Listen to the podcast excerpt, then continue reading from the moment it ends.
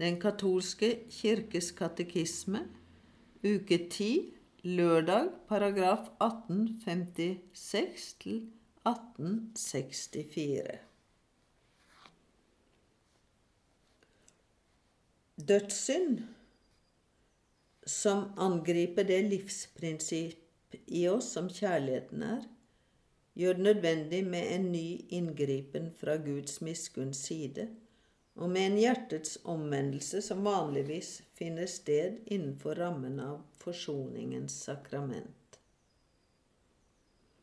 Når viljen strekker seg etter noe som i seg selv er i strid med kjærligheten, som retter oss inn mot vårt endemål, har synden etter selve sitt objekt noe i seg som gjør den dødelig enten den nå strider mot kjærligheten til Gud, slik som gudsbespottelse, mened osv., eller mot kjærligheten til nesten, slik som drap, ekteskapsbrudd osv. Men når synderens vilje av og til går i retning av noe som i seg selv innebærer en mangel på orden, men som imidlertid ikke strider mot kjærlighet til Gud eller nesten, slik som tomt snakk, unødig latter osv., da er slike synder venielle. Det må foreligge til sammen tre omstendigheter for at en synd skal være en dødssynd.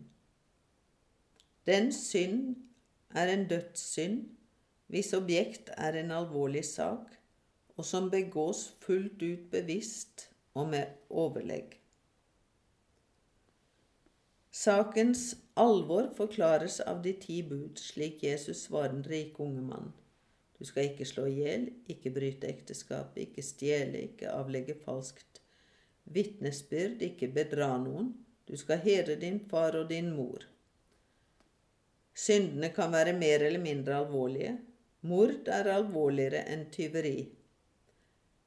Hvem de er som det syndes mot, kommer også med i betraktningen. Vold mot foreldre er i seg selv alvorligere enn vold mot en ukjent. En dødssynd krever full bevissthet og fullt overlegg. Den forutsetter at man kjenner til at handlingen er syndig og i strid med Guds lov. Den innebærer også et samtykke som er tilstrekkelig villet til at det dreier seg om et personlig valg. Påstått uvitenhet og hjertets forherdelse minsker ikke syndens preg av å være forsettlig, men øker den tvert imot. Ufrivillig uvitenhet kan minske, ja, unnskylde ansvar for en alvorlig synd. Men alle forutsettes å kjenne morallovens prinsipper slik de er innskrevet i hvert menneskes samvittighet følelseslivets impulser, lidenskapene, kan også minske syndens preg av å være villet og overlagt, på samme måte som ytre press og sykdomsforstyrrelser. Synd ved ondskap, ved frivillig å velge det onde, er den aller alvorligste. Mennesket eier den grunnleggende mulighet til i full frihet å begå en dødssynd, slik som det også forholder seg med kjærligheten. Den fører til tap av kjærligheten og den helliggjørende nåde, vil si nådens stand. Dersom den ikke sones gjennom anger og Guds tilgivelse, fører den til utelukkelse fra Kristi rike og den evige død i helvete.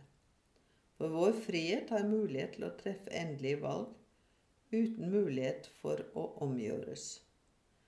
Men selv om en handling i seg selv kan forekomme oss å være en alvorlig synd, må vi overlate til Guds rettferdighet og miskunn å dømme om den som foretar den. Det begås en svakhetssynd når man ikke iakttar den foreskrevne morallov i mindre tungtveiende saker, eller når man overtrer moralloven i en alvorlig sak, men uten fullt ut å vite det eller uten fullt overlegg.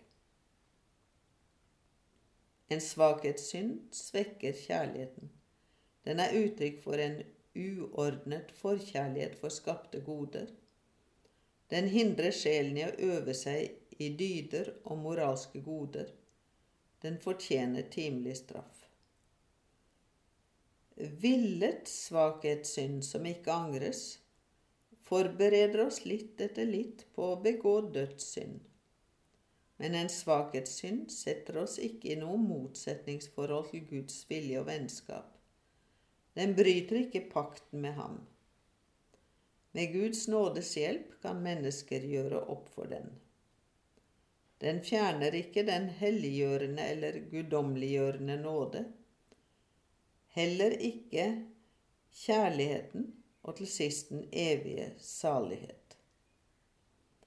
Så lenge mennesket befinner seg i kjødet, kan det umulig unngå synd, i det minste små synder. Men det vi kaller småsynder, skal du ikke betrakte som uskyldige. Holder du dem for uskyldige når du veier dem? Skjelv da når du teller dem. Mange småting blir til en stor masse. Mange dråper fyller en hel elv.